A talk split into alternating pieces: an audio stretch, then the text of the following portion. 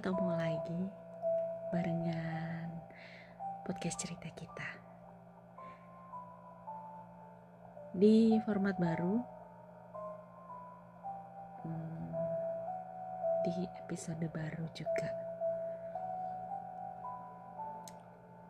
Nah, podcast cerita kita sekarang di formatnya yang baru ini uh, bahasanya bakalan random banget. Tapi uh, aku masih terima tulisan kawan-kawan penulis yang pengen tulisannya aku bacain boleh.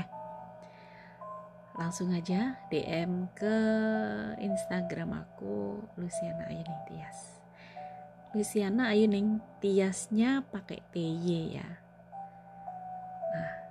atau bisa juga lewat email di podcast ceritakan di cerita kita at gmail.com oh ya untuk ini Instagramnya kebetulan karena jujur aku kalau harus pegang dua akun bingung ya. Akhirnya setelah pertimbangan uh, lebih baik aku pakai akun pribadi aja buat podcast cerita kita ini. Itu. Biar akunya juga nggak bingung. Jadi buat kawan podcast cerita kita yang pengen kirim tulisannya atau mungkin pengen cerita aja gitu boleh langsung aja lewat DM atau bisa juga lewat email ya. Nah uh, di podcast cerita kita format baru ini di episode baru.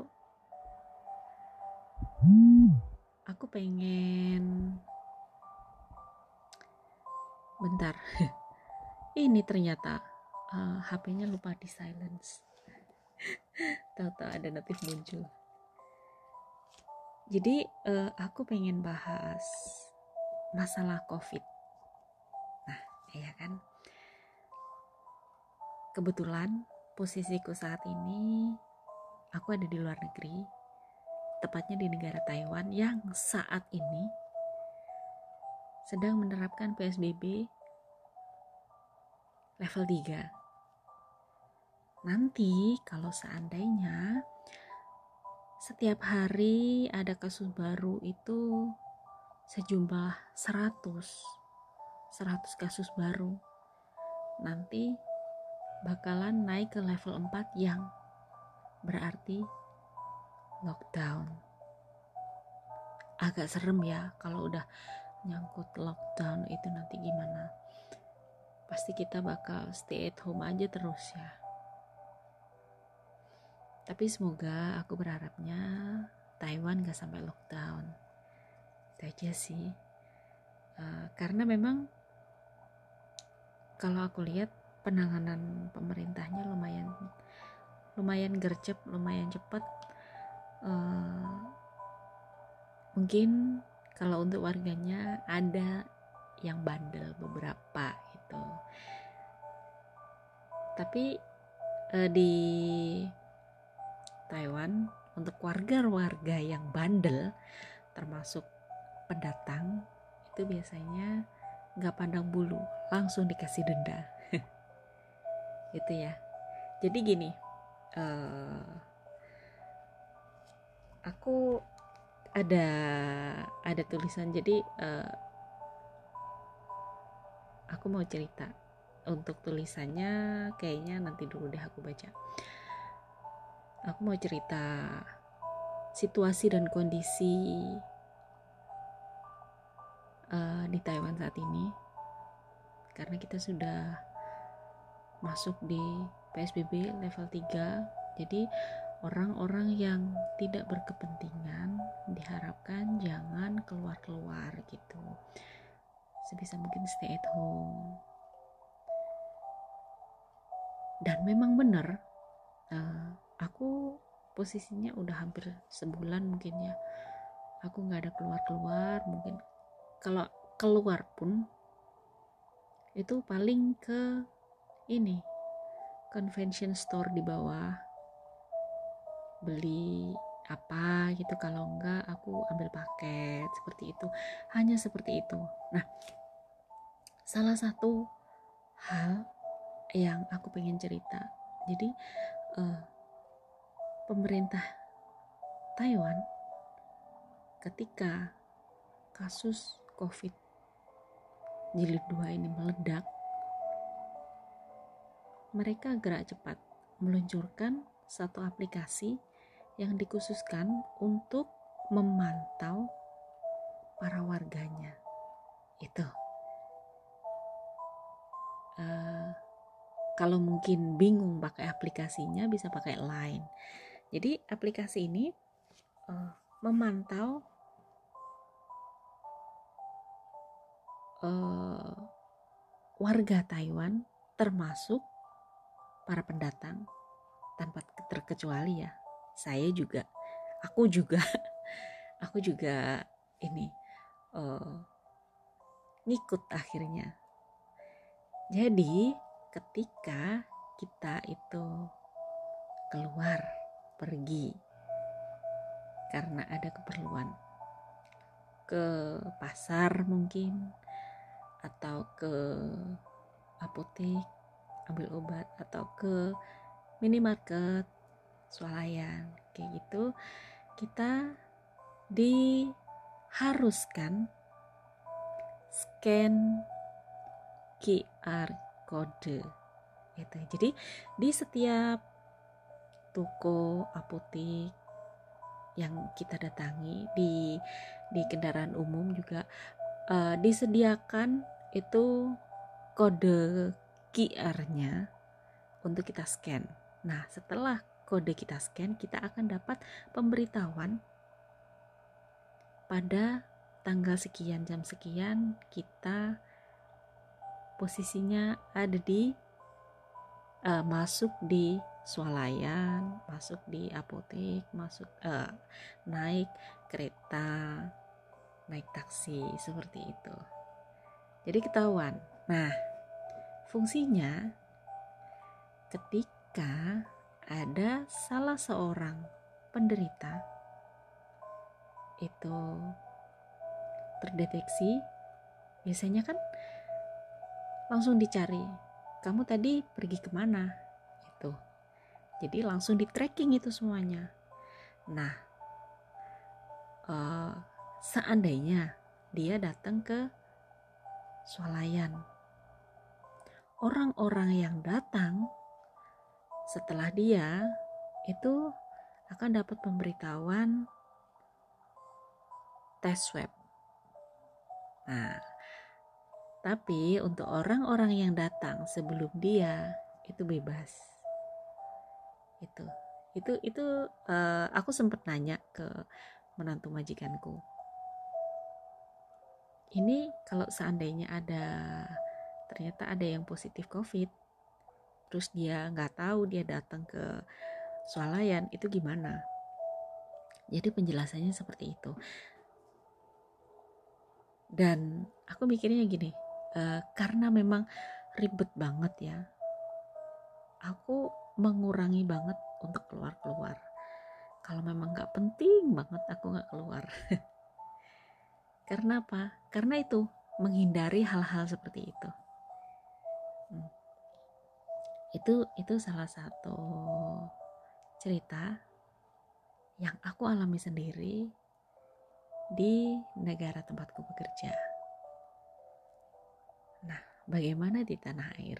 Karena aku sendiri posisinya saat ini nggak ada di tanah air ya. Aku sempat nanya-nanya ke beberapa orang teman gimana kondisinya di tanah air. Uh, dan beberapa orang teman itu bilang angkanya masih tetap tinggi. Tapi aku berharap semoga segera turun ya kurvanya. Penderitanya juga yang mungkin positif covid semoga segera sembuh. Dan untuk yang sehat semoga selalu dijaga kesehatannya ya. Uh, patuhi protokol kesehatan pakai masker cuci tangan pakai sabun atau kalau seandainya nggak ada air nggak ada sabun pakai hand sanitizer itu jaga jarak juga. Nah, uh, itu aja sih pesanku buat kawan podcast cerita kita yang ada di tanah air. Aku sempet sebenarnya sempat khawatir juga tapi posisinya aku jauh jadi aku cuma bisa menasihati uh, keluarga yang ada di rumah. Jangan terlalu sering keluar. Itu. Kalau memang gak penting banget jangan keluar. Terima kasih buat Mbak Yani. Uh, nama akunnya Yani. Udah itu aja. Yang memberi izin memberi izin aku buat bacain tulisan dia. Sebenarnya ini status Facebook aja sih tapi menurutku ini menarik ya. Kayaknya relate banget dengan kondisi sekarang ini. Nanti untuk link postingannya aku taruh di deskripsi ya. Tentang kota yang dirundung duka. Bisakah kita berbincang tentang kota yang kabarnya layu? Bisakah kita berdiskusi tentang kota yang katanya lumpuh? Seperti tersiar berita kepanikan melanda di penjuru kota. Para bapak cemas hendak mengais asa. Para ibu panik dengan kebingungannya. Anak-anak dibuat aneh atas apa yang tak boleh dilakukannya. Di semua arah mata angin, Imbauan-imbauan pada pengeras suara, pengamanan ketat para polisi juga tentara. Sirina ambulan yang tak absen menjejal telinga. Serta prosesi pemakaman yang tak seperti pada umumnya. Apalagi angka kematian yang meninggi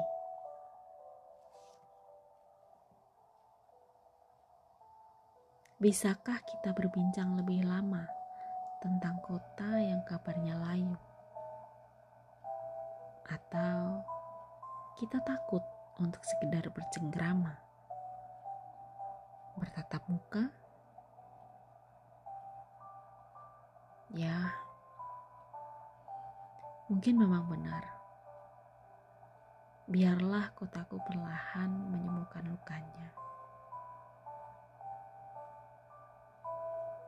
Memulihkan tangisnya.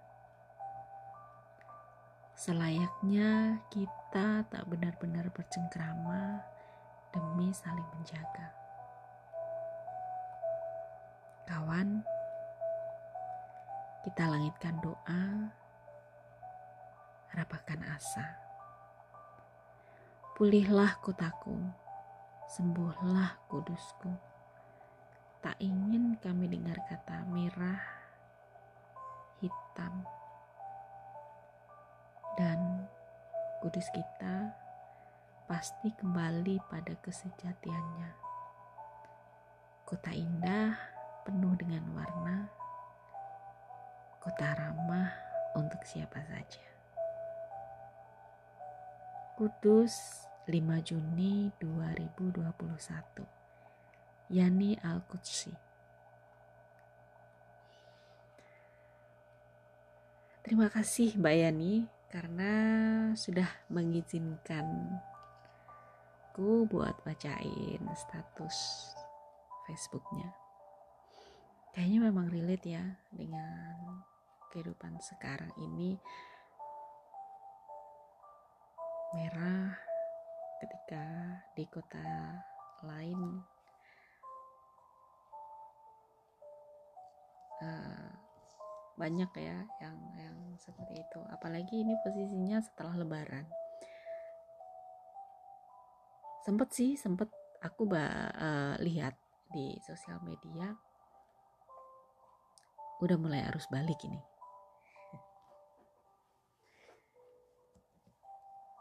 Semoga untuk semuanya yang ada di tanah air jaga kesehatan ya jaga kesehatan uh, patuhi protokol kesehatan pakai masker cuci tangan pakai sabun jaga jarak. Kayaknya udah berapa kali ya aku tadi bilang hal ini.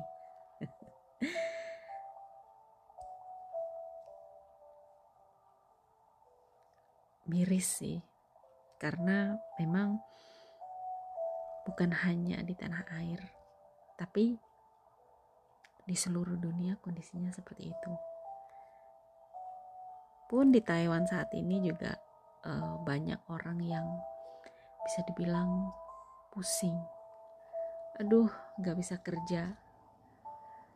Aduh, dapat duit dari mana? Seperti itu. Tapi uh, aku sempat nanya uh, ternyata untuk beberapa warga cuman aku kurang tahu syarat dan ketentuannya. Tapi ada warga yang dikasih bantuan.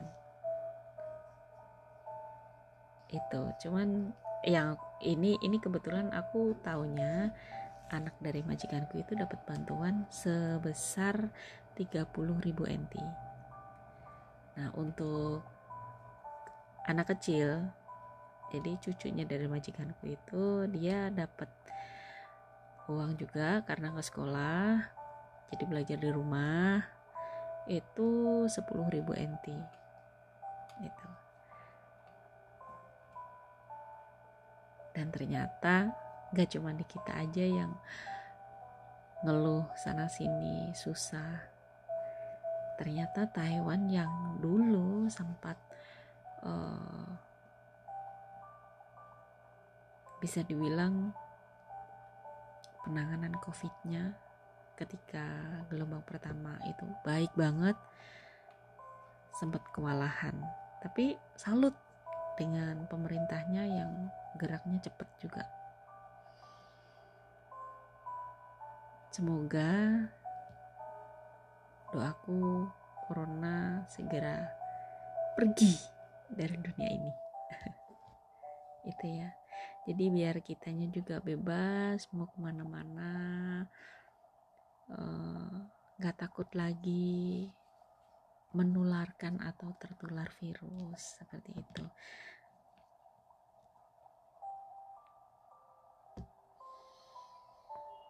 Nah aku tuh mau ngomong macem-macem gitu soal covid ini soal pandemi ini takut ya nanti dikiranya aku membandingkan antara yang ada di tanah air dengan negara tempat bekerja. Enggak karena memang nggak bisa dibandingkan dalam artian nggak bisa dibandingkan itu seperti ini. Uh, negara kita itu negara kepulauan dari sana aja sudah beda gitu udah nggak bisa disamakan udah nggak bisa dibandingkan gitu. Uh, otomatis beda jauh banget dengan Taiwan gitu ya. Tapi ya itu tadi harapanku satu semoga semuanya diberi kesehatan dan mungkin kalau ada yang sakit karena virus ini semoga segera diberi kesembuhan. Itu jaga imun ya buat kawan podcast cerita kita. Kayaknya itu aja dulu. Hmm, nanti di episode yang baru kita bahas apa ya? Bahas nanti aja materinya. Kebetulan udah aku udah siapin jadi um, untuk episode yang akan datang aku bakal ini uh, ngobrol hal lain. Nah, balik lagi untuk kawan podcast cerita kita yang pengen ngirim ceritanya, ngirim cerpennya juga, boleh DM dulu atau langsung ke email di ceritakan di cerita kita gmail.com di Instagramnya Luciana Ayuning Tias Tiasnya pakai T sama Y A S itu ya. Jangan sampai salah. Terima kasih buat uh, Mbak Yani terima kasih sekali lagi karena sudah memberikan izin untuk statusnya aku bacakan di podcastku. Oke, kita ketemu lagi nanti di episode yang akan datang ya. Bye bye. Selamat beristirahat. Selamat tidur.